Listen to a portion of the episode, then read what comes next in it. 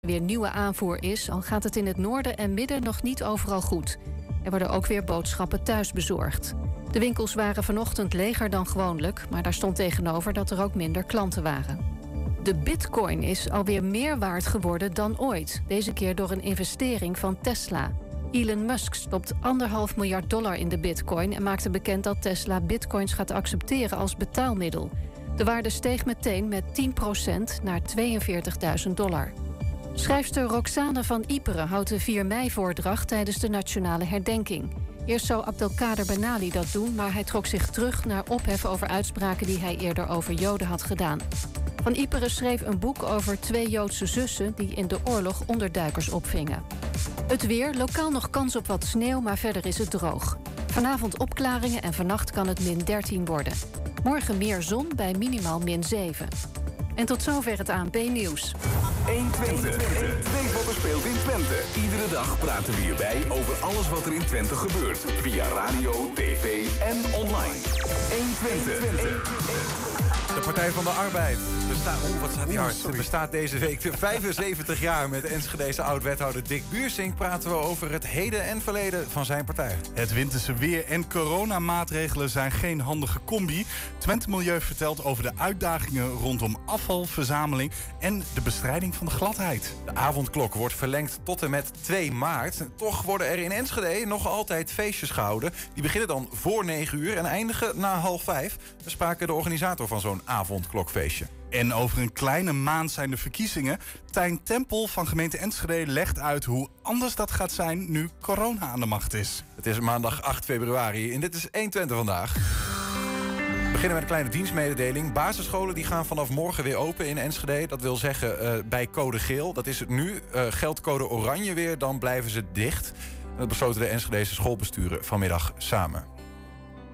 Dan, vanwege de hevige sneeuwval zaterdagnacht, uh, nu nog steeds trouwens... maar heeft de GGD zaterdagmiddag het besluit genomen... om alle test- en vaccinatielocaties in Nederland een dag lang te sluiten. Ook de locaties in Twente gingen gisteren dicht. Inmiddels zijn ze weer open en mensen mogen zelf bekijken of uh, ze willen komen. Voor een update praten we erover met uh, Erik Maarsing. Hij is plaatsvervangend directeur van de GGD Twente. Erik, goedemiddag.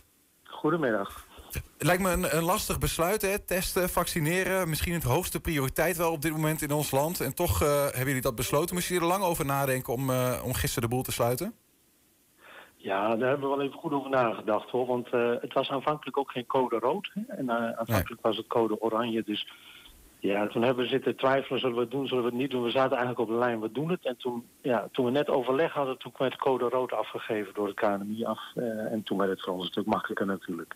Ja, was het toen een vanzelfsprekendheid? Ik bedoel, want je hebt natuurlijk, jullie hebben echt een superbelangrijke taak. En toch moet je dan besluiten van, we doen het niet. Ja, dat is, ook, dat is ook een hele belangrijke taak. Maar het is ook een taak die uh, één dag kan wachten. En waarbij je een inhaalslag vrij snel kunt maken. En ja, gisteren lag er zoveel sneeuw en het was zo'n onverwachte situatie voor veel mensen. Dat we gezegd, nou, dit is gewoon de, uh, onveilig om naar zo'n locatie toe te komen. Inmiddels zijn we nu een dag verder en zijn mensen wat meer gewend ook aan het weer. En kunnen ze beter uh, een, een, eventuele uh, familielid charteren om hun naar de testvaart toe te rijden of vaccinatiestraat. En dus in die zin, zijn, daarom zijn we maandag wel open gegaan. Ja, want ik, ik wilde ook vragen, hè, de, de, de omstandigheden lijken niet veel anders uh, gisteren dan vandaag. Hè. Het strooien gaat allemaal maar wat moeizaam. Tenminste, dat is wat ik er zo van zie, bijvoorbeeld in Enschede zelf. Uh, maar jullie, jullie, hebben ook wel echt ingezet op van... Uh, we weten wat beter hoe we met het weer kunnen omgaan... en wat we kunnen verwachten. Ja, je ziet toch dat mensen erop voorbereid zijn. En aan de andere kant zie je ook dat mensen zich graag willen laten vaccineren. De mensen die bij ons komen, die, die zijn echt blij dat ze gevaccineerd kunnen worden. -huh. En, uh, en mochten ze er niet doorheen durven, omdat het toch uh, ja, risicovol is, dat ze, dan kunnen ze op een later moment alsnog uh, gevaccineerd worden. Vandaag zijn er zo'n zo'n 760 afspraken ingepland voor de oudere groep. En daar zijn er zo'n 250 van afgezet. Dus zeg maar twee derde die is toch naar de, naar de vaccinatiestraat toegekomen en heeft zich laten vaccineren. En in Enschede uh, lag het aantal afzeggingen nog wat lager. Dat waren zorgmedewerkers die daar gevaccineerd zijn. Daarvan zijn er zo'n 20 afgezegd van de 400. Dus dat is op zich, zijn er toch heel veel mensen wel uh, gekomen. Ja, had je bij na de inzien niet gisteren dan ook gewoon de boel kunnen laten doorgaan? Ja, misschien, misschien achteraf wel, hè, maar het is natuurlijk zo'n eerste sneeuwdag. Uh, ja, dan moeten mensen toch weer wennen. Hè? En dan, uh, Ja, moet je even kijken hoe, hoe, hoe rijdt mijn auto in de sneeuw. Ja. En eh, ja, wij moeten ook eh, eh, wennen, hè, want je moet ook kijken van kunnen we het goed sneeuwvrij maken. En ja, dan is het uiteindelijk, en zeker als zo'n besluit er ook landelijk valt, dan is het uiteindelijk beter om in heel Nederland de teststraten en vaccinatiestraten eh, een dag dicht te doen. Hoe zit dat eigenlijk met die mensen die gisteren ehm, zijn afgebeld? De- hebben die dan een uitnodiging voor vandaag gekregen? Beslu- eh, schuift alles een dag of, op, op? Of hebben jullie vandaag Ja. extra mensen aan het werk gezet? Ja, de, ja, de mensen die, eh, die gisteren niet, eh, konden, heel, die we af hebben moeten zeggen, die kunnen in de komende twee weken kunnen die, eh, opnieuw ingepland worden. Een aantal die, die zijn vandaag al gekomen. Maar een, een merendeel zal over een paar dagen aan de beurt zijn. En we hebben daar ook wel ruimte voor. We hebben, op dit moment worden er nog niet zo heel veel mensen gevaccineerd, omdat het vaccin nog beperkt leverbaar is. Hmm. Dus dat betekent dat we nog wat ruimte hebben. En eh, dus we kunnen ook eventueel wat langer door eh, vaccineren. Dat we s'avonds iets langer doorgaan. Of dat we nog wat meer lijnen openzetten. Dus die inhaalslag die maken we vrij snel. En ik verwacht eigenlijk eh, binnen twee weken dat helemaal weer rechtgetrokken te hebben. Nou, dat is mooi om te horen. Die, die vaccins overigens, eh, die- is het, is het eh, zo- zo- zo'n dag, dat kan prima wachten. Jullie hebben prima opslagruimte of wat dan ook. Dus het is niet een Ja. moeilijke vraag op zo'n moment. Nee, dat, kijk, wij krijgen eh, geleverd nadat we nodig hebben. Hè? Dus als wij zien aankomen van we hebben weer een lading nodig, dan bestellen wij. Eh, op het moment dat er een dag uitvalt, dan kun je, je kunt het ongeveer vier dagen bewaren. En kun je ook met andere locaties in je regio kun je eventueel uitwisselen. Dus op het moment dat we in Enschede zien van we komen tekort, maar in Almelo is nog voldoende. Dan eh, kunnen we dat uitwisselen en dan eh, zorgen we ervoor dat we toch binnen vier dagen het, eh, het weggeprikt hebben. Andere vraag nog. Eh, vandaag werd bekend dat de avondklok weer eh, drie weken verlengd wordt, tot en met eh, 2 maart. Er zijn nog wel mensen die zich afvragen van... joh, waar is dat nou eh, eh, eh, voor nodig? Eh, heeft u enigszins zicht op ehm, effecten van de eh, scherpe lockdown... die is ingezet eh, een aantal weken geleden? Ja, dat, dat gaat heel erg de goede kant op, vind ik. Eh, Kijk, we krijgen steeds meer te maken met die Britse variant, die besmettelijker is dan de variant die er nu is. En nou, aanvankelijk leek het zo dat eh, die Br- Britse variant snel de overhand zou krijgen, zodat we dus eh, ongeveer half februari, 20 februari, dat we dan al echt in een situatie zaten waarbij er, het aantal besmettingen sterk zou toenemen.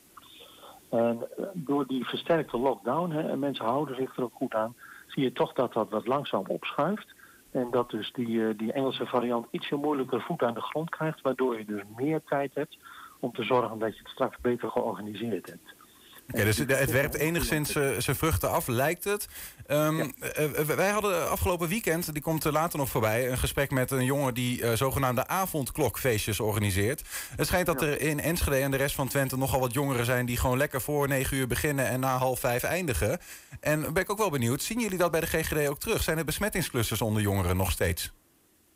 Er zijn, eh, ja, maar de één op één relatie eh, met, met de feestjes is moeilijk aan te tonen. Hè? Maar we zien wel eh, clusters, ook onder jongeren, maar ook veel in de thuissituatie natuurlijk. Maar dan kun je toch vragen aan de jongeren, als die onder jongeren ontstaan... van hey, w- eh, op welk moment ben je samen met, zo, met die andere jongen bij elkaar geweest... als je bronnen- en Ja, contactonderzoek dat, gaat dat, doen? Dat, dat, zien we, dat zien we ook wel hoor. Dus die, die, die feestjes die kunnen we niet volledig achterhalen. Hè? Want soms zijn er ook feestjes waar je geen besmettingen in aantreft natuurlijk. Mhm. Maar regelmatig komen we die wel tegen.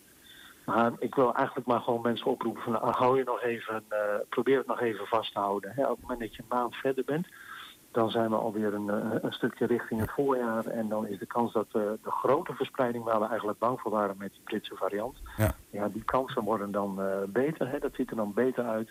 En eh, dat is eigenlijk uiteindelijk voor iedereen beter. Want Ja, op het moment dat we een maand verder zijn, dan is er ook veel meer gevaccineerd. Tuurlijk. Waardoor er ook veel meer mensen weerstand hebben. Ja, nee, maar dat is ook, ook een hartstikke logisch verhaal natuurlijk, dat je, die boodschap die jullie communiceren. Maar eh, het bijzondere is hier wel dat wij onlangs eh, met, in een gesprek, was donderdag, met de veiligheidsregio vroegen, zijn jullie op de hoogte van deze feestjes? En zij waren dat niet. U bent dat blijkbaar wel. Hoe kan dat? Nou, kijk, wij zijn, eh, van, van, van horen zeggen horen wij dan natuurlijk wel eens dat dit soort feestjes er zijn. En ik wil, ik wil mijn kop ook niet in het zand steken hoor. Eh, eh, ik heb zelf ook jonge kinderen. Ik hoor af en toe ook wel eens eh, hoe dat gaat. En eh, het zal ongetwijfeld gebeuren. Hè. Daar hoeven we onze kop niet voor in het zand te steken. Maar eh, ik zou toch de jongeren op willen roepen van nou beperk het zoveel mogelijk. Hè. En eh, ja, hou het nog een tijdje vol. Ja, maar goed, ik zeg dat ook. Er zijn heftige maatregelen in het land. We hebben een avondklok. Mensen hebben zich daar aan te houden. Ehm, dan zou je toch ook verwachten dat dat soort dingen bekend zijn, op de radar staan. en dat daar ook op gehandhaafd wordt. En dat lijkt niet helemaal de prioriteit te zijn bij de veiligheidsregio.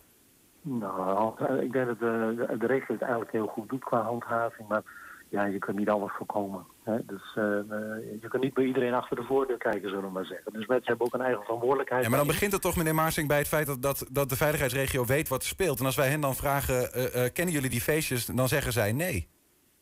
Ja, dan moet u echt aan de veiligheidsregio vragen en, en niet aan mij als GGD. Hè? Nee, de, de bron- en contactonderzoek wordt toch door jullie gedaan?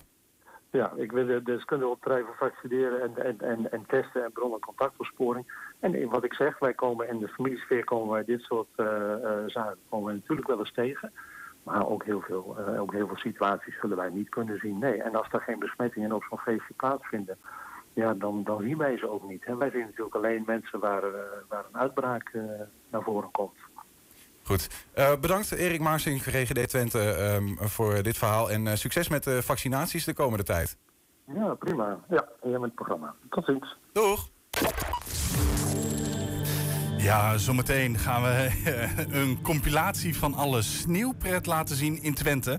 Maar eerst naar een feestje met rode rozen. Ja, want de Partij van de Arbeid bestaat morgen precies 75 jaar. Met oud-P van de A-wethouder van Enschede, Dick Buursing, praten we over de geschiedenis en het heden van uh, sociaal-democratie in Nederland, in Twente en in Enschede. Dick, goedemiddag. Goedemiddag. Gefeliciteerd. Ja, hartelijk dank dat we zo lang volgehouden hebben. ja, nou ja, uh, nog wel. Ja, ja, ja. Nou ja, ik ben al 50 jaar lid.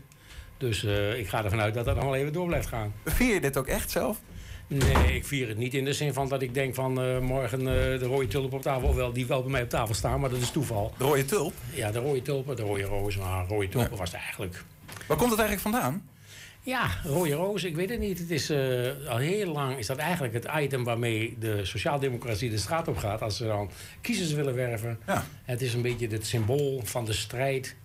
Uh, de strijd voor betere arbeidsvoorwaarden, de strijd voor een beter leven, voor betere huisvesting, voor betere inkomens, beter onderwijs. Het is eigenlijk allemaal geschiedenis van, van mijn partij. En ik, ja, ik heb er zelf natuurlijk een lange geschiedenis in, maar mijn familie ook. Hè. Mijn opa van mijn moeders kant, opa Helena, die zat al voor de SDAP in de gemeenteraad van Lonneker. En later na de samenvoeging nog even in de gemeenteraad van Enschede. Hoe merk jij dat, Dick? Laten we zo meteen op die, op die geschiedenis, want ik wil er wel eens wat dieper op ingaan met je.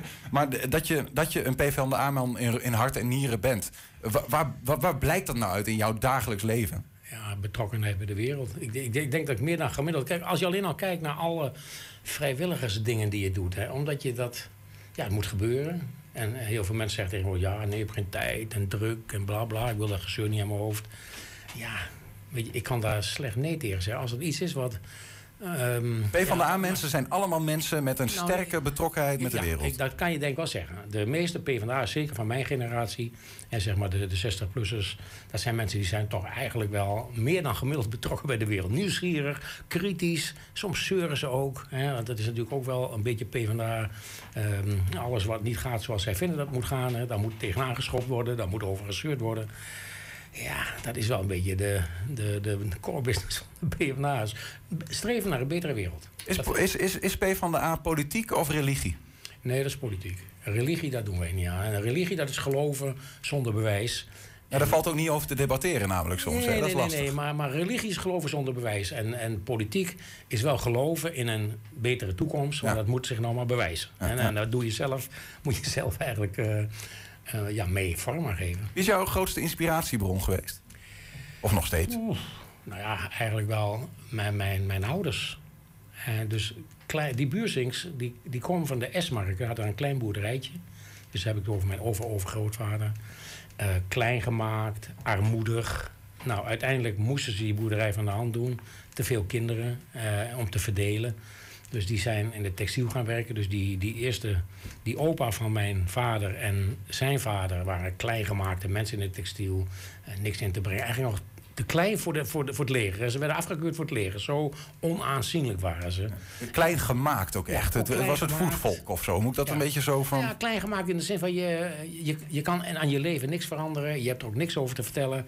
Eh, je moet het ondergaan. hè. je gaat naar de fabriek. En, En er is een elite die bepaalt wat er elite, gebeurt. en dat was natuurlijk in Enschede helemaal. Er is een elite van, van, van 70, 80 Want textiel, eh, Ja, je mag geen baronnen meer zeggen, Ja, de textielmannen. textiel, de textielelite. Ja. Eh, ik heb ik, toevallig, eh, ik dacht ik moet nog even eh, kijken hoe het ging. Mm. Ik heb nog even gekeken naar de, bijvoorbeeld het inkomensplaatje van de Belastingdienst uit 1926 van Enschede. En dan zie je 72 mensen die samen 140 miljoen gulden bezitten. Moet je even voor, in die tijd.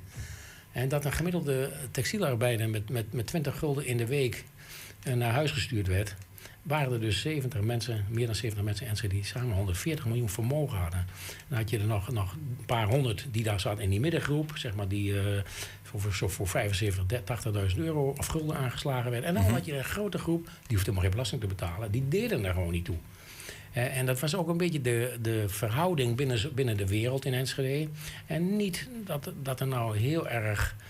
Uh, dat die mensen heel erg, zich heel erg onaangenaam gedroegen, maar uiteindelijk had je geen moer in te brengen. En dus we hebben grote stakingen gehad, eind 20, begin 30 jaren.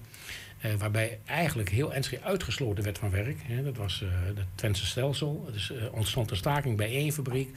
En daar had de fabrikantenvereniging afgesproken... als er bij jou een staking begint en die stopt niet op ons aangeven... dan gaan alle fabrieken uiteindelijk dicht. Dus dan en dan hebben de mensen geen werk meer? Hadden mensen geen werk, geen inkomen. Dus had je 20 in de, in de grote staking van 31, 32, zelfs 22.000 mensen... die de straat opgezet werden...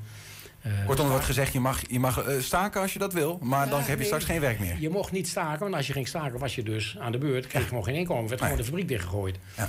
En, en, dan was je aangewezen op een stakingsuitkering van de vakbeweging, als je lid van de vakbond was, of anders was je bij de, op de armenzorg aangewezen. Ja. En dat heeft in Enschede, ook in mijn familie, uh, heel veel weerstand tegen textiel georganiseerd. En wij mochten van mijn vader niet in het textiel gaan werken. En nou, dan was ik natuurlijk misschien aan de jonge kant met mijn oudere broers. Die van net voor de oorlog hebben. Want je, mag die, je mocht die textielmannen niet helpen. Nee, je mocht, ja, je mocht daar niet gaan werken, omdat mijn ouders vonden het eigenlijk zo beneden pijl. De wijze waarop het behandeld werd en waarop zij behandeld waren. En waarop de eerdere generaties behandeld waren. Dat mijn vader zei: er komt niks van in. Jullie gaan daar niet werken. Dus heel veel mensen bij mij, de familie, ik ook, zijn in de grafische industrie terechtgekomen. Dus ik ben opgeleid als uh, boekdrukker. Ik ben op mijn veertiende begonnen als boekdrukker bij, van, bij Boeving aan de Blekenstraat. En na vier jaar ben je dan uh, leermeester, was ik leermeester gezel boekdrukker.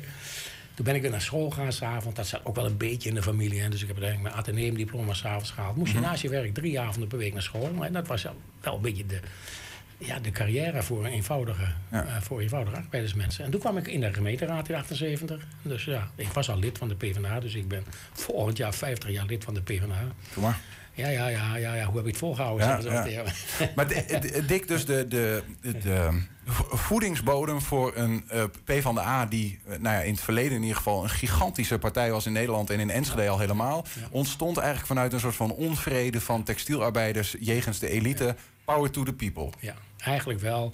We hebben in uh, 1915 algemeen kiesrecht gekregen. Toen zag je ook vanaf 1919, ook in de gemeenteraad... gelijk uh, acht SDAP'ers, dat was nog voor de oorlog, SDAP'ers, twee wethouders in het college. De SDAP is later ja, de P van de Democratische Arbeiderspartij. Ja, maar dat was niet als je chique ja, naam. Die zei, ja, maar na, je kreeg na de oorlog de beweging, al die grote partijen, dus KVP, AR, dat werd later uiteindelijk CDA, je had de VVD en de PvdA, dat waren de drie grote volkspartijen. Zo noemden we dat. En dus we probeerden als het ware weg te komen bij die verzuiling van voor de oorlog, waarbij mensen alleen al omdat je van een andere cel was, nou ja, praatte je er bijna niet mee. Dat, dat wilden we na de oorlog, na al die ellende van de oorlog niet meer. Dus de verzuiling moest uh, teniet gedaan worden. Grote volkspartijen, hè, die uh, samen, zeker in, in, in het hoogtepunt, samen 800.000 leden hadden.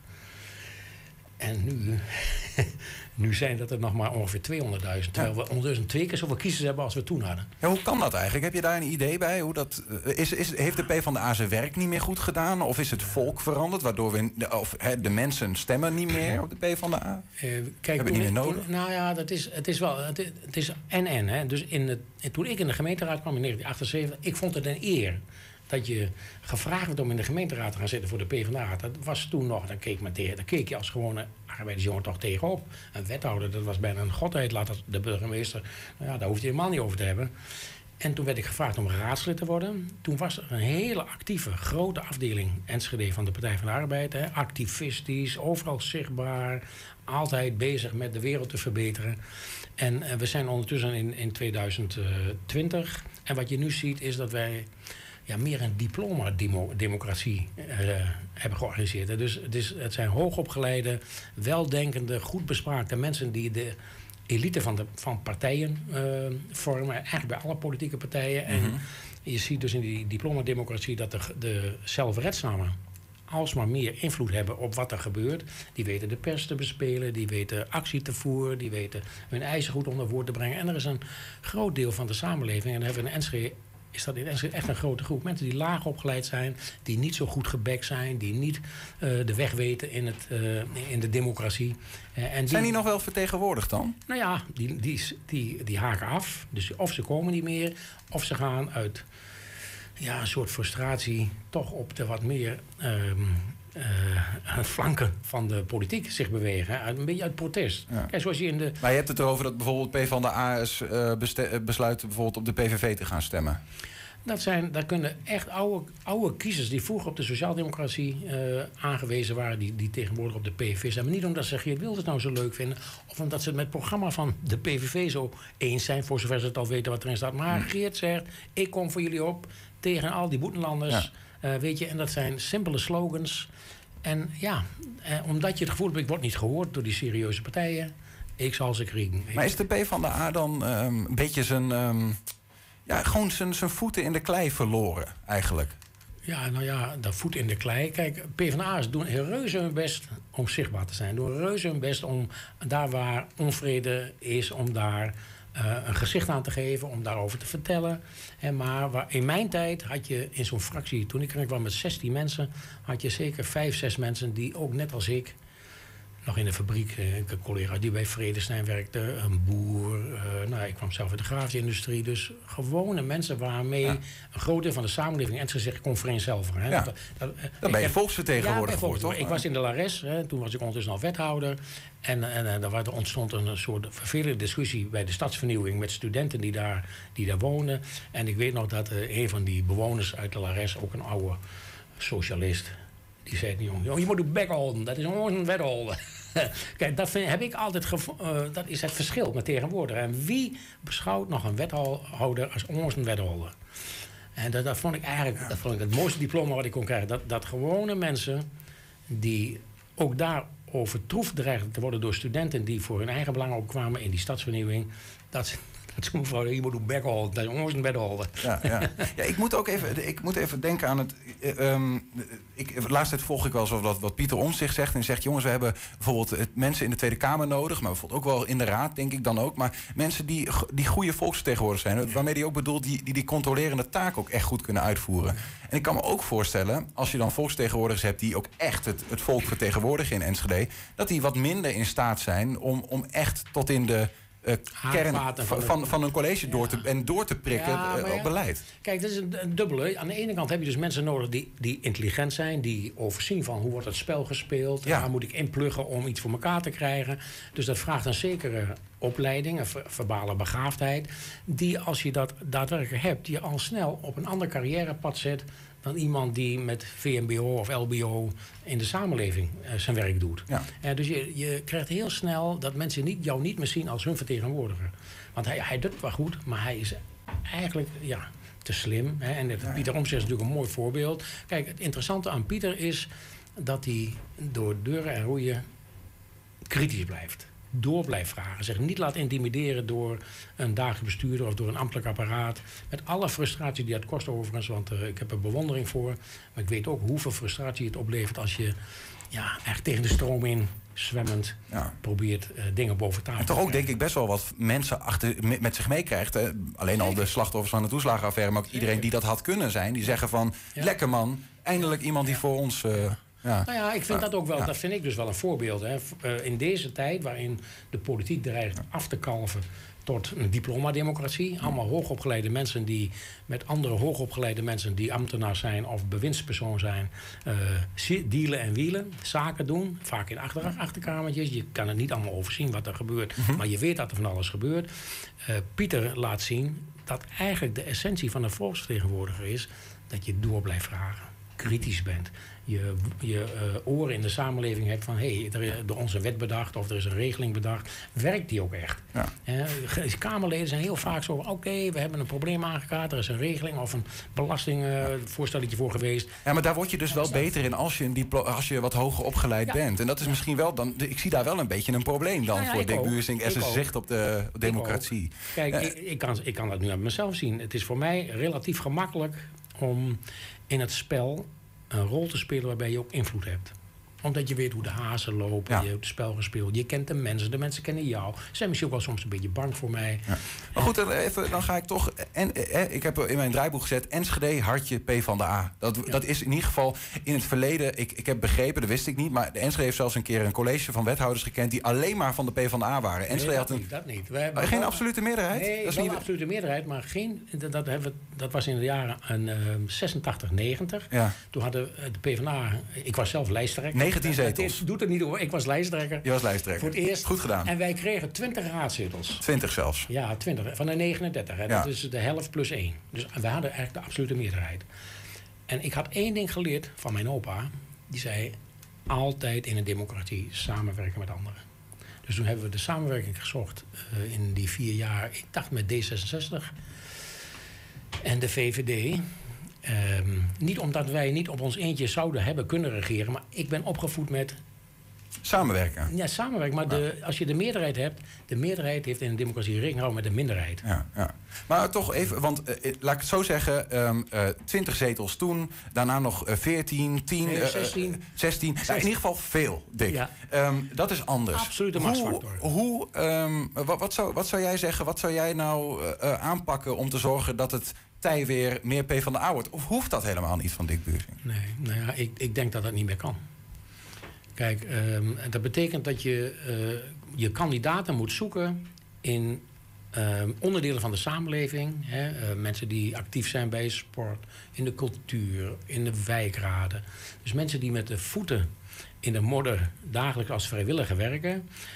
Uh, als daar mensen tussen zitten die iets meer zouden kunnen dan, dan dat. Hè, zeg maar uh, begeleiden van een voetbalclub. Maar die ook in staat zijn om op het brede eh, terrein van alle taken die een gemeente heeft. Um, de zaak te overzien. Mm -hmm. Dan moet je die mensen natuurlijk binnenhalen. En dat vind ik vanzelfsprekend. Maar dat gebeurt niet omdat die mensen zich niet aangesproken voelen door de politiek. Dat komt ja, dat de, de, ook de pers, uh, wil ik zeggen, wij met z'n allen zijn eigenlijk nogal negatief over de politiek wil er niks mee te maken hebben. Zeggen mensen tegen mij, ja, ik wil er niks mee te maken hebben. Nee, maar dat, is een, dat, dat noemen we een vicieuze cirkel. Ja, daar komen we mogelijk dan slecht uit. Ja, dat is ook zo. Omdat er negatief over de, over de politiek wordt gesproken... Ja. zijn de mensen die er eigenlijk geschikt voor zouden zijn... maar nou ja, die komen er niet in. Die denken, ik ga er niet in, want ja. daar krijg ik helemaal gezuur van. Negatieve co connotatie hè, als je in de politiek werkzaam ja, bent. En in mijn tijd, ja, 70, 80 jaar, was dat niet zo. Nee, nee. Dan was je, nou, oh. dat was interessant. We moeten positief afronden, Dick. Heb je nog een positieve boodschap voor de mensen? Nou ja, ik zou zeggen, zorg in ieder geval uh, dat je je bemoeit met de stad. Daar begint het mee. Het begint met vragen stellen, je ermee bemoeien. En als je dat dan zeg maar interessant vindt, ga dan in godsnaam ook uh, actief worden binnen een politieke partij om, om je, je belangen. En van jou, ja, ook al vind je de politiek stom. En politiek is niet stom. Toch Alles is politiek, zeg ik ja, altijd. Precies. Dick Buursink, dank. En uh, veel plezier deze week ja, met 75 jaar P van de A. Dankjewel. Ja, dan uh, we hoeven dat uh, niet duidelijk te maken. Het sneeuwt. Ja, zelfs achter jou op scherm zie je het. Dus ja. dat is dan ook wel weer waar. En, en uh, we hebben gewoon even een compilatie in elkaar gezet... van uh, een mooie sneeuwbeelden vanuit uh, Twente. Bijvoorbeeld hier wordt gewoon gesnowboard in een weiland... achter een trekker aan. ja, dit dit is je, wel heel gaaf, hoor. Als je de Alpen bent zonder bergen, dan moet je het zo doen. Hier overigens in het Volkspark wel een klein bergje. Daar waren ook gisteren... waar, ik zag er genoeg mensen. Ik, ik moest er wel om lachen, Julian. Dan, wij, wij in Oostenrijk heb je bergen van kilometers ja, hoog. Klopt. Hier hebben we het Volkspark met een klein heuveltje... en de hele heuvel staat vol. Ja, maar dat is toch mooi. Zo, zo werkt dat toch. Ja, uh, ben, je, ben je verfijnd skier? Uh, ik ben, uh, ja, een skier niet. Dat doe ik niet, hè. Snowboarden. Oh, dus ik snap deze jongen vond ook weer heel goed achter een auto aan. Prachtig. En ja, dit is leuk. corona-proof ook. In dit geval ook nog. Ja, je kunt dus meekijken, 120.nl. Als je geen idee hebt waar we naar kijken. We hebben een aantal beelden bij elkaar gezameld van, van afgelopen weekend. Ik was zelf ook op de Oude Markt nog even. Ik heb een wandelingetje ja? gemaakt. En ik zag zelfs dat er een pand was wat gewoon lekker de toko open had gegooid. Oh, dat hadden ze mij wel mogen vertellen, was ik even heen gegaan. Die waren gloewijn en chocolademelk aan het uh, schenken. En uh, daar, Lucky daar klonk heel van de ijsbins heen. Hier sneeuw. Ja, dit zie je natuurlijk heel veel, een soort hype. Eh, vooral op, op social media zie je mensen die allemaal in de bikini of in, de, in het zwembroek eh, Sneeuwengeltjes. eh, sneeuwengeltjes gaan maken. maar Julian, heb je ook de nieuwste hype gezien, de eh, snowface? Eh, nee. Dat betekent dus dat je met je hoofd voorover in het diepe sneeuw gaat. En dan laat je gewoon een tijdje blijven wachten. En dan blijft er een soort van mal van je gezicht achter. Oké, heb je het al gedaan? Nee, Dat ga je natuurlijk niet. Dat is, maar hier, het ziet er eh, wel geinig uit. Nou, dit is dus duwen. Dit eh, zal iedereen, denk ik, die vandaag de weg op is gegaan. Ik zelf vanochtend ook nog. Ik heb ook nog heel even vastgestaan. Eh, maar dat is de auto duwen, want eh, ja, het staat toch eh, bijna overal vast. En zo zie je dat heel Enschede eigenlijk wel weer van de sneeuw ja, eigenlijk aan het genieten is. Het brengt dus leuke dingen, Ja, maar het brengt dus ook negatieve dingen. Daar gaan we het zo meteen over hebben. Ja. Ook zometeen spreken wij, terwijl wij doe je zeggen tegen Dick, het aantal illegale, of illegale feestjes. Dat lijkt dus sinds de avondklok werd ingesteld sterk gestegen. Wie wil, kan in Enschede vrijwel elke avond wel ergens terecht. Dat is in elk geval de indruk die achterblijft na een veldonderzoek van, ja, van onszelf. Eh, zometeen dus daar meer over. Maar eerst eh, naar Twente Milieu. Want die verzorgt in Enschede de afvalinzameling. Dat weet je waarschijnlijk wel. Maar wat je eh, misschien niet wist, ze gaan ook over de bestrijding van de gladheid. En nu ons Twente veranderd is, we zagen het net in een soort van Alpenlandschap zonder bergen, moet de Milieudienst dus vol aan de bak. En dat gaat niet zonder slag of stoot. Dus was er vanmiddag een spoedoverleg. Aan de lijn is Annemieke Braanburg. Goedemiddag. Dag, goedemiddag. Ja, ik heb het idee dat de bestrijding wat hardnekkiger is dan normaal van die gladheid. Eh, Is dat een correct beeld? Ja, het klopt wel dat dit inderdaad eh, extreme weersomstandigheden zijn. Die ook eh, voor onze winterdienst en zelfs voor onze ervaren collega's die al 15 jaar deze diensten draaien. nou, echt wel extreem en, en nieuw zijn, inderdaad. Wat, wat maakt het lastiger? Dat het, dat het weer zelf gewoon maar blijft doorsneeuwen? Of is corona ook een factor? Eh, nou, inderdaad, eh, onder andere eh, dat het door blijft sneeuwen. Het zijn ook extreem lage buitentemperaturen. En het is natuurlijk ook zo inderdaad door corona, de lockdown en het, het mindere aantal auto's dat over de wegen rijdt.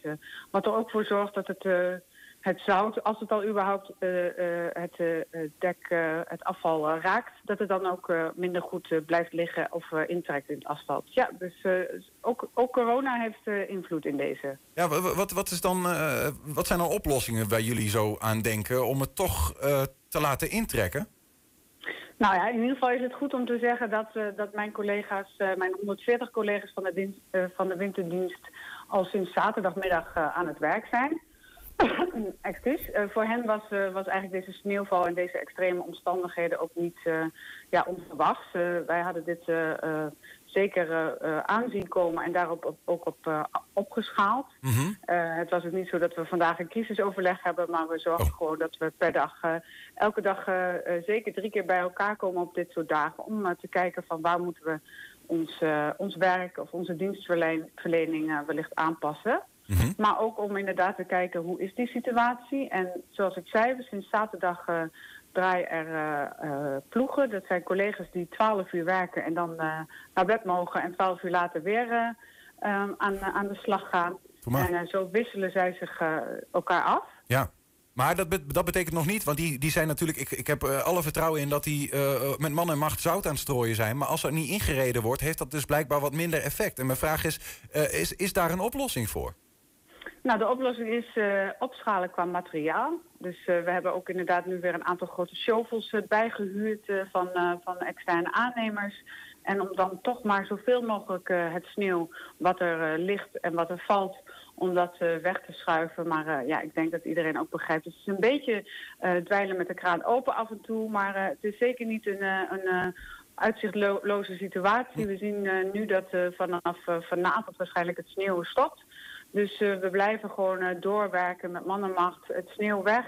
Zorgen dat dan toch het, eh, ehm, het zout zijn werk kan gaan doen. We hebben bijvoorbeeld ook ehm, eh, de busmaatschappijen, als ze al rijden, gevraagd om niet op de busbaan te rijden, maar gewoon op de, op de openbare weg. Omdat dat Ja, ja. dan natuurlijk ook weer verkeer is, die ook kan helpen om eigenlijk het zout op het asfalt te, te, te blijven laten zitten. Dus op die manier denken wij in allerlei oplossingen. Maar zoals in heel Nederland het geval is het wel eh, echt uitzonderlijk.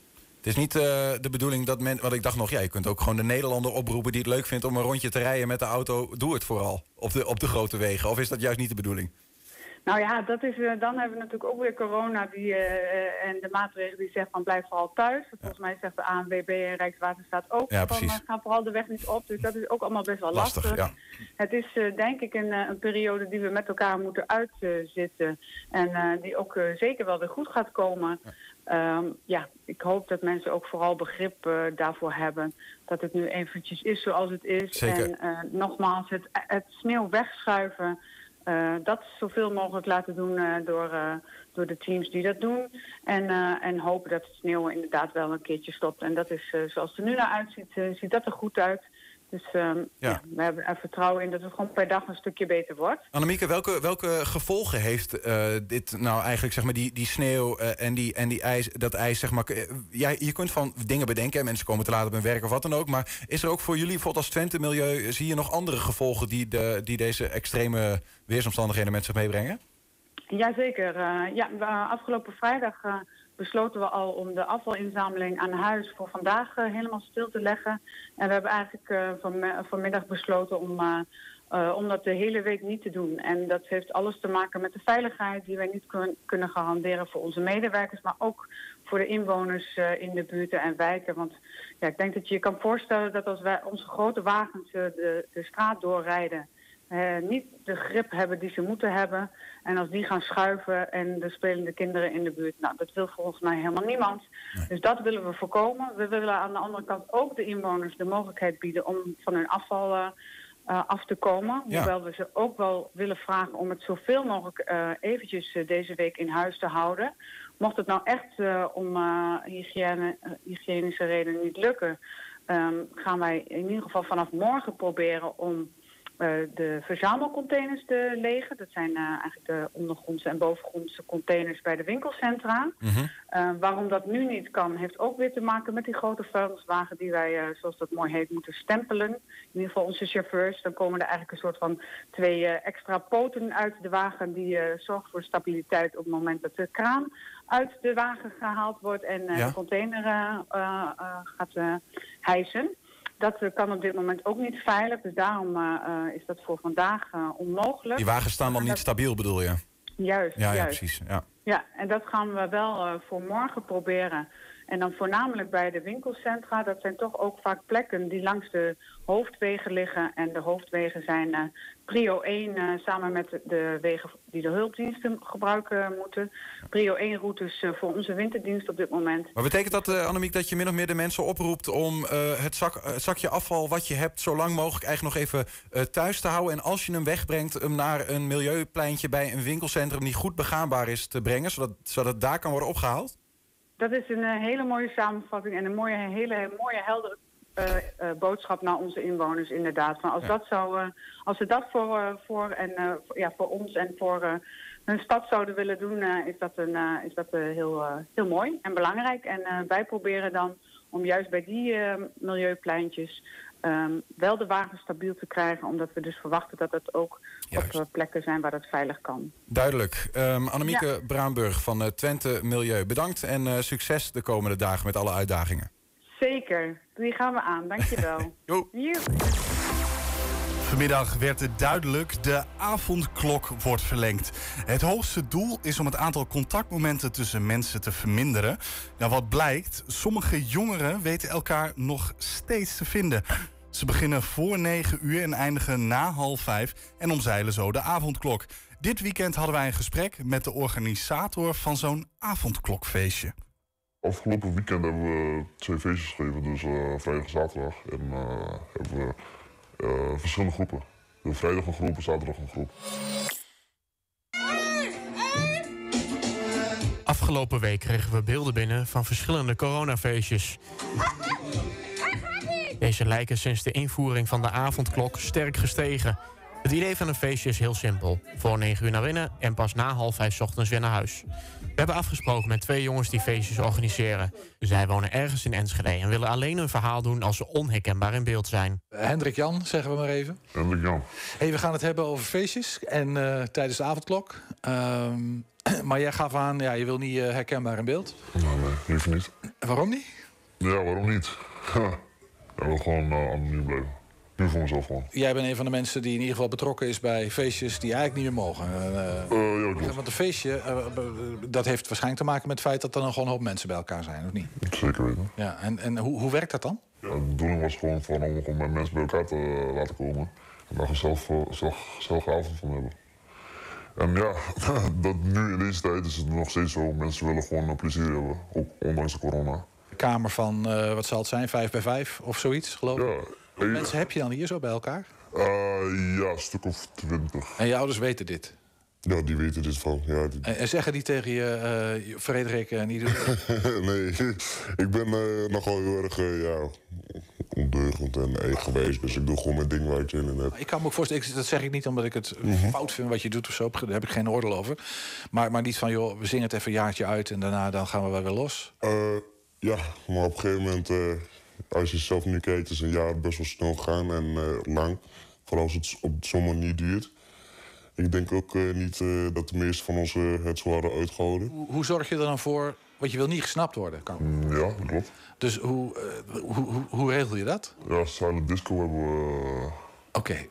Achterkomen dat dat een perfecte mogelijkheid is. Ja. Dus dan heb je koptelefoons. Ja, koptelefoons die, ja, die alleen jij hoort. Ja. En gewoon van buitenaf kun je niks horen. Nou, ik heb gewoon een beetje via internet lopen zoeken naar de silent disco koptelefoons. En dan ga je gewoon een beetje de prijzen vergelijken met de goedkoopste.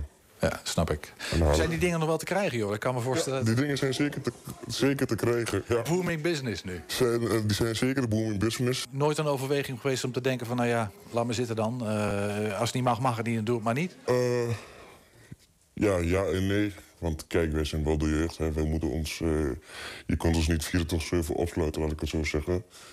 Wij zoeken ons altijd onze uitweg om uh, onszelf te vermaken. Ik bedoel, uh, je weet wel dat er corona in de wereld zit, maar je kunt het niet uh, ontwijken. Vroeg of laat je het dus, je, de, dus zeg maar die angst om besmet te raken, ziek te worden, weet ik veel, die heb jij helemaal Die heb ik eigenlijk helemaal niet. En heb jij nou het idee dat zeg maar, in jouw vriendenkring... dat eigenlijk iedereen wel naar, naar dit soort feestjes gaat? Of, of zijn er een aantal die zeggen van ik doe het wel... ook een aantal die zeggen van ik doe het niet? Nee, de, nou, laat ik zeggen, 9 van de 10 uh, die zullen er wel voor gaan en uh, de 1 net niet. Wel eens bang dat je gesnapt wordt? In het begin wel, maar zeker toen wij uh, de silent disco nog niet hadden. Toen was echt een risico van kan, hoe, hoe, hoog, hoe hard is muziek. Want dan had je gewoon live muziek, zeg maar? Ja, dat is gewoon live muziek. En dan kun je van, zeker van buitenaf kun je het horen. En nu heb ik bijna geen zorg meer. En nooit zelf bang geweest om gesnapt te worden? Nee, het zit wel altijd in je achterhoofd. Van, uh, mocht het eens een keer gebeuren, maar ja. En als het gebeurt? Ik denk, uh, als het gebeurt, ja... de aantal mensen die hier zijn, zullen persoonlijk allemaal een boete krijgen. Weet jij hoe hoog die is? Ja, ik zou, volgens mij was het iets van 95, uh, 95 euro of zoiets. En dan krijgt de eindverantwoordelijke ook nog een boete voor het uh, geven van een feest. Die is wel wat hoger. Ja. Heb je daar afspraken over gemaakt met elkaar? Ah, gewoon delen door de aantal. Voorlopig lijkt het er in ieder geval op dat het laatste coronafeestje nog niet is gevierd. Ja, dat zijn dus die uh, coronafeesten. Nou, zometeen praten we er. Uh, uh, yes. Zometeen praten we over het weer. Want dat hebben we net ook al gedaan, maar we gaan gewoon nog verder erover. Dat doen we met weervrouw Anita van Voorst uit Hengelo. Eerst blikken we vooruit op 17 maart. Dat is niet alleen mijn verjaardag, maar er staan ook de landelijke verkiezingen op de planning. Wel in een situatie die een tikje anders is dan gebruikelijk natuurlijk. Over de invloed van corona en de maatregelen op het stemmen in Enschede... praten we met Tijn Tempel van de gemeente. Tijn, goedemiddag. Goedemiddag. En die omstandigheden die zijn net zo veranderlijk als het weer hè, tegenwoordig. Uh, en ook die maatregelen. Uh, misschien moeten we wel beginnen bij de vraag... gaan we überhaupt uh, stemmen op 17 maart? Ja, dat is iets waar ik geen, geen antwoord op kan geven. Dat ligt natuurlijk aan het kabinet en het RIVM. Ja. maar wij gaan er gewoon vanuit dat we op 17 maart kunnen stemmen. Nou leven we in een, in een tijd waarin we reisbewegingen moeten beperken. Hè. We mogen niet te veel met andere mensen in dezelfde ruimte zijn. We uh, moeten niet dezelfde materialen vasthouden. Ik kan me nog al wat dingen verzinnen die dat stemproces uh, bemoeilijken. Of wij in ieder geval over nadenken. Vertel, wat gaat er veranderen op 17 maart? Nou, we, er zijn een aantal maatregelen die, wij, die wij nemen. Ehm, dus we hebben uh, alle stemlocaties uh, worden aangepast uh, aan de anderhalve, me aan de anderhalve meter maatregelen. Ja. Um, dat betekent dat elk stembureau een looproute krijgt, duidelijke ingang-uitgang, zodat kiezers elkaar niet kunnen kruisen. Um, elk stembureau krijgt een gastheer, gastvrouw die toeziet dat er niet te veel mensen tegelijkertijd in het stemlokaal aanwezig zijn. Uh, wij gaan al onze kiezers die komen stemmen, die krijgen van ons uh, een rood potlood uh, om de stem uit te brengen. Iedereen krijgt potlood, een eigen rood eh, potlood? Iedereen krijgt een rood potlood, ja. Hoeveel rode potloden hebben jullie besteld dan? meenemen. Hoeveel rode potloden hebben jullie dan in totaal? Nou, we hebben in Enschede hebben 120.000 kiesgerechtigden. dus we hebben 130.000 stem potloden besteld. 130.000, hé. Wat kost dat? Weet je dat of niet? Zo niet, uit, zo niet uit mijn hoofd. Nee, nee, nee. Oh, bijzonder zeg. En, maar dus je, je, je neemt maatregelen op de locaties. 120.000 of 130.000 potloden voor, voor iedereen één. Uh, maar maar zijn, de, zijn de locaties nog steeds hetzelfde dan? Of hebben jullie door de situatie bedacht dat er dus meer locaties bijvoorbeeld ook uh, meedoen? Uh, nou, niet per se meer locaties, maar we hebben wel heel veel andere locaties. Uh, door de maatregelen, door de coronamaatregelen, zijn heel veel van onze bestaande locaties zijn vervallen. Denk aan scholen, uh, de verzorgingstehuizen, uh, die normaal stembureau-locaties zijn. Deze doen dit jaar niet mee. Maar dat is, dus dat is, dat is omdat er op meer dat. 50 nieuwe is, locaties. Sorry, sorry is dat op, tijdens dat het op, op, op die plekken niet genoeg ruimte is? Of omdat die um, eigenlijk niet begaanbaar zijn vanwege de gezondheid? De, de, de, scholen die hebben uh, aangegeven dat ze liever geen stembureaus zijn. Uh, zij uh, moeten nu ook ouders weren om, om bijvoorbeeld bij een school naar binnen te gaan. Ja. Ehm, en in een school is het niet altijd mogelijk om een, een looproute in te richten. dat geldt eigenlijk hetzelfde voor verpleeghuizen, die ook gezegd hebben van we willen geen, geen andere kiezers ja, duidelijk, in onze locaties hebben. Ja. Dus vandaar 50 nieuwe locaties. En wat zijn die nieuwe locaties dan? Gaan we straks in, uh, in de ijssalon uh, stemmen? Of hoe moet ik dat voor me zien? Nee, het uh, zijn natuurlijk allemaal locaties waar veel ruimte voor nodig is. Ja. om, om alle mensen die komen stemmen genoeg, genoeg ruimte te geven. we hebben een aantal sporthallen die we dit jaar gaan inzetten als stemlocatie. buurthuizen die worden toegevoegd. We hebben een aantal ondernemers die hebben gezegd van uh, wij willen ons uh, pand wel beschikbaar stellen. Uh, dus daar zijn we, zijn we heel blij mee. Hoe gaan jullie eigenlijk om met ouderen of zwak, mensen die wat zwakker gestel hebben, die gewoon eigenlijk er niet op zitten te wachten om andere mensen te zien? Hoe kunnen zij gaan stemmen op 17 maart? Nou, we hebben briefstemmen voor, dat is speciaal voor mensen die 70 jaar of ouder zijn. Die krijgen eind februari een briefstempas thuisgestuurd. En uh, met die briefstempas uh, kunnen zij per post een stem uitbrengen. Uh, of zij kunnen gewoon naar het stemlokaal als ze dat willen, of, of iemand machtigen om namens hen te stemmen. Daarnaast hebben we in Enschede 12 stembureaus die op maandag en dinsdag open gaan. Dat is ook speciaal voor mensen ehm, die liever de, de drukte vermijden. Ja. Uh, die, kunnen, uh, die kunnen op maandag en dinsdag al uh, bij 12 stembureaus verspreid over de dag terecht. En daarnaast hebben we nog. maar de, wacht even, hoe, hoe, hoe, selecteer je die mensen dan? Die, of, of, want als ik naar binnen kom en ik zeg ja, ik heb liever dit, dan is het. Snap je, er kan ook een probleem ontstaan. Snap ik. Het is ook niet aan ons om die keuze te maken. Dat is aan, aan iedereen zelf om dat te bepalen. Dus als, dus eigenlijk dus kunnen we gewoon op drie dagen gaan stemmen precies als jij denkt van ik heb een wat, wat mindere gezondheid, ik, uh, ik ga maandag al stemmen.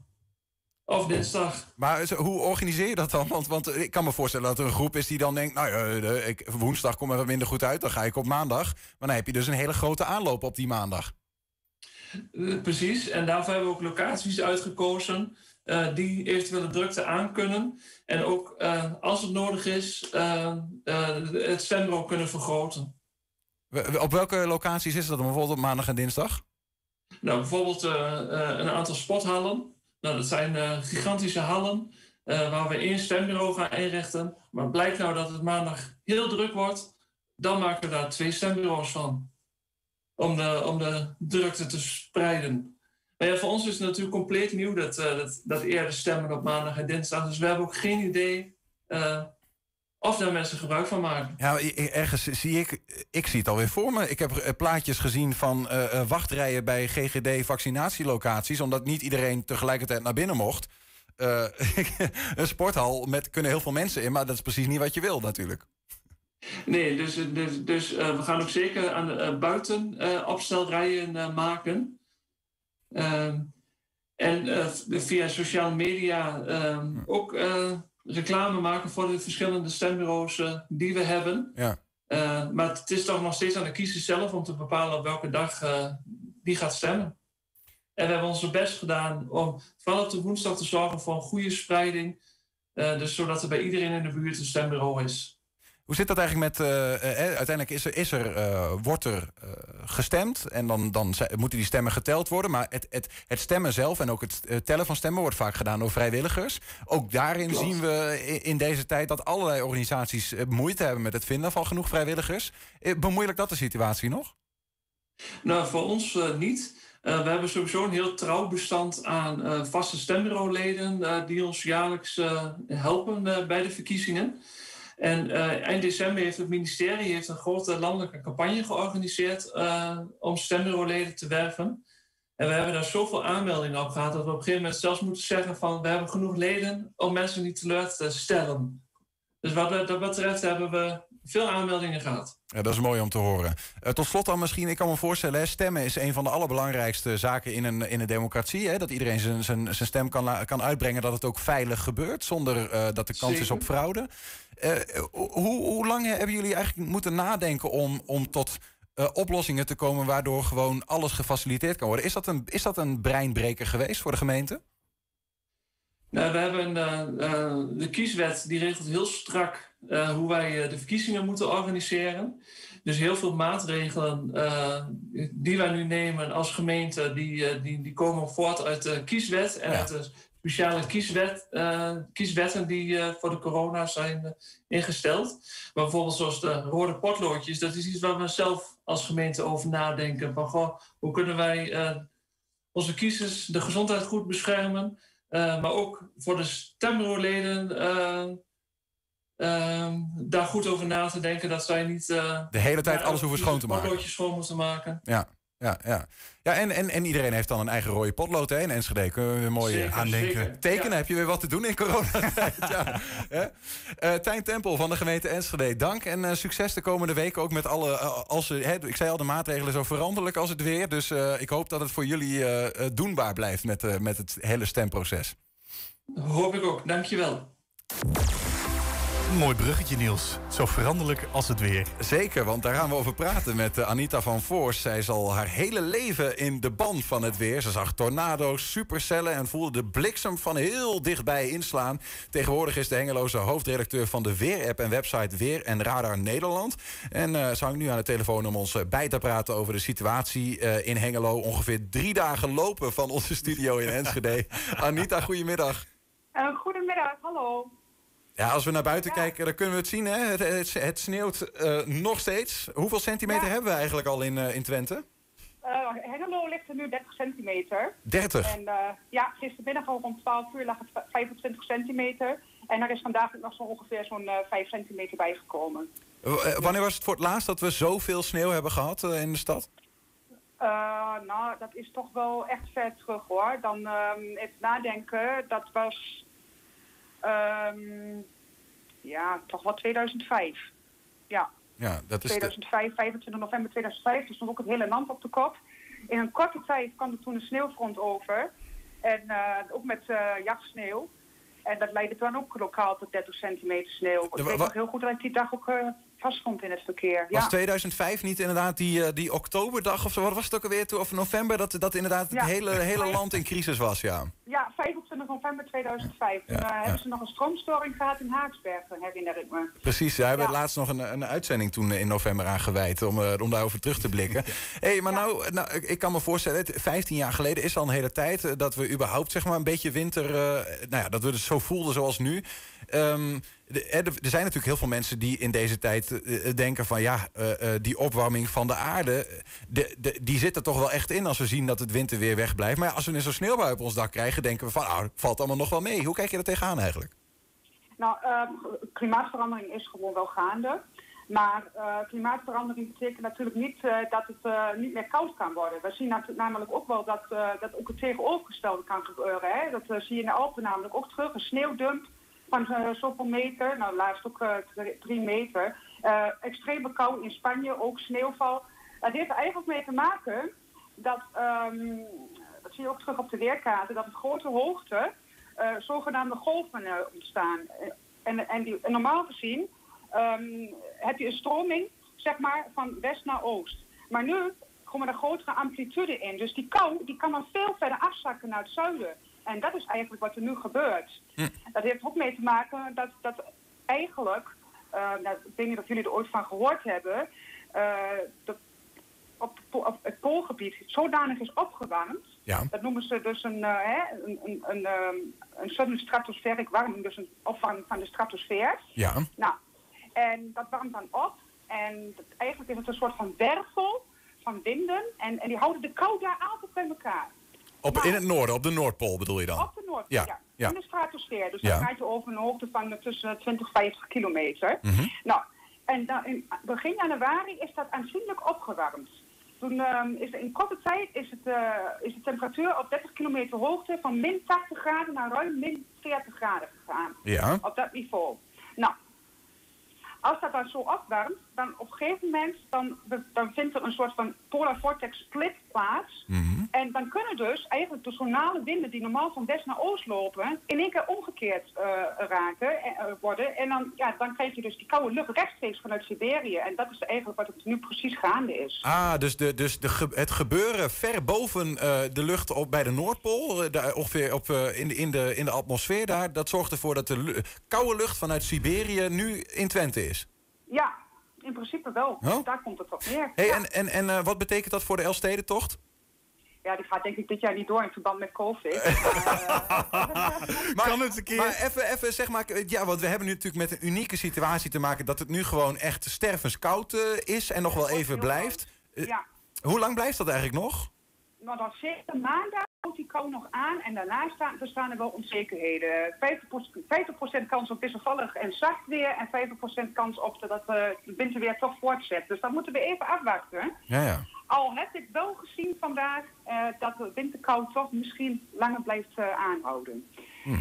Ja, en over en, eh, ijs, ja, dan praat je over twee dagen matige vorst en dan kan er al toch wel 8 centimeter ijs liggen. Dus, maar de vraag is in hoeverre het sneeuw nu weggewaaid wordt door die oostenwind. Hè? Ja, Vanavond ja. gaat de wind natuurlijk ook liggen.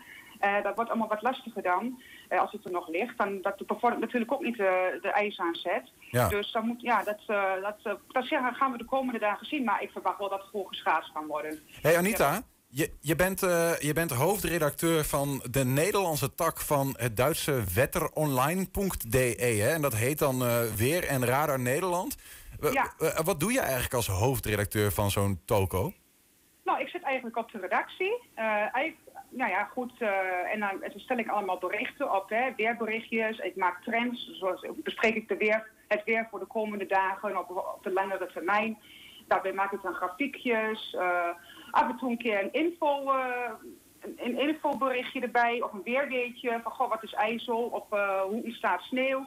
En eh, ja, dat, eh, dat leid ik dan in goede banen. Ik zit met eh, twee andere jongens eh, in het team. En eh, ja, die, die, die werken ook eh, soms één, twee dagen per week. En de rest die cover ik.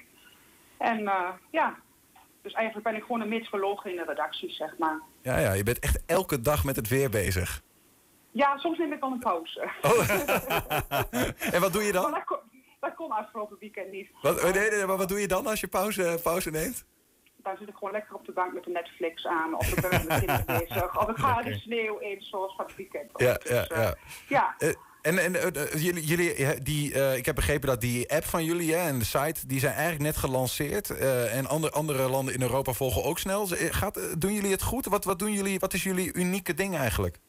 Wij hebben gewoon als uh, Wet Online weer en Raden hebben wij een heel duidelijk concept die voor iedereen begrijpbaar is. We leggen alles ook perfect tot in de details uit en ik denk dat we daar uniek, uniek in zijn. We zijn namelijk, ja, ik niet of ik het mag zeggen, we verschillen namelijk heel erg van bijvoorbeeld een buienradar. We hebben een wereldwijde weerradar en uh, ja, dat werkt ook gewoon echt prima. Er staan, geeft, de weerradar geeft bijvoorbeeld ook aan wat, wanneer er sneeuw valt of ijzel. En uh, tegelijkertijd ook de temperatuur. En we hebben ook de, op de zomerradar hebben we een, een bliksemdetectiesysteem. Dus ja, dat is allemaal tot in de puntjes verzocht. En ik denk dat we daar het verschil in maken. En dat is ook met de mensen willen, want ik vraag me bij het NOS-journaal wel eens bijvoorbeeld, als ik dat nog zie, vraag ik me soms af waarom duurt dat weerblokje altijd 10 minuten? Daar snap ik echt helemaal niks van. Ik denk altijd van ja, vertel me gewoon hoe warm het wordt en dat is genoeg.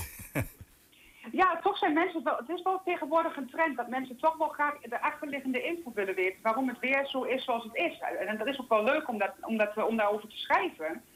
En toch worden wij echt wel door heel veel mensen gevolgd. Uh, het is namelijk zo, ik heb laatste statistieken nog weer bekeken van de app. En um, wij, wij uh, hebben de meeste mensen, volgers uh, van alle landen die dus internationaal zijn gegaan bij Wetten Online. Waarvan, waarvan is de, de, weer, de weerticker, dus dat is het blogje zeg maar, waarin we schrijven. die mensen, me, wij hebben het meeste aandeel in Nederland, zeg ja, maar. Ja. Dus dat is, dat is echt heel goed. Anita. En, en ja, ik, uh, ik, ik hoor het wel. Je, volgens mij kun jij uh, hele dagen uh, praten over het weer. En ik vind het ook echt oprecht interessant. vandaag kon je natuurlijk niet deze kant op komen, want het is wat lastig in verband met het weer. maar het lijkt ons leuk om je nog een keer te spreken over, over, over je werk, maar ook over je werk bijvoorbeeld als, als stormchaser of wat je dan ook allemaal ja, hebt. Dat heb... lijkt mij heel leuk. Dat lijkt me fantastisch. Kom je een keer ja. langs? Ja, natuurlijk. Graag zelfs. Dan bij deze staat Hartstikke leuk. Anita van Voorspraak, weervrouw uit Hengelo dus. tot snel dan, Anita. Tot snel. Ja, tot zover 120 vandaag. Terugkijken kan direct via 120.nl en vanavond om 8 uur en om 10 uur op televisie. Zometeen hier Henk Ketting met een nieuwe kettingreactie. Niels, ik zie jou morgen en de luisteraar. Tot morgen. Morgen, morgen. 120. Weet wat er speelt in Twente. Nu het ANP-nieuws. Ik ben Ingrid Anne Broersen. Goedemiddag. De intratuin in Lisse staat in brand en daarbij is een brandweerman gewond geraakt. Hij kreeg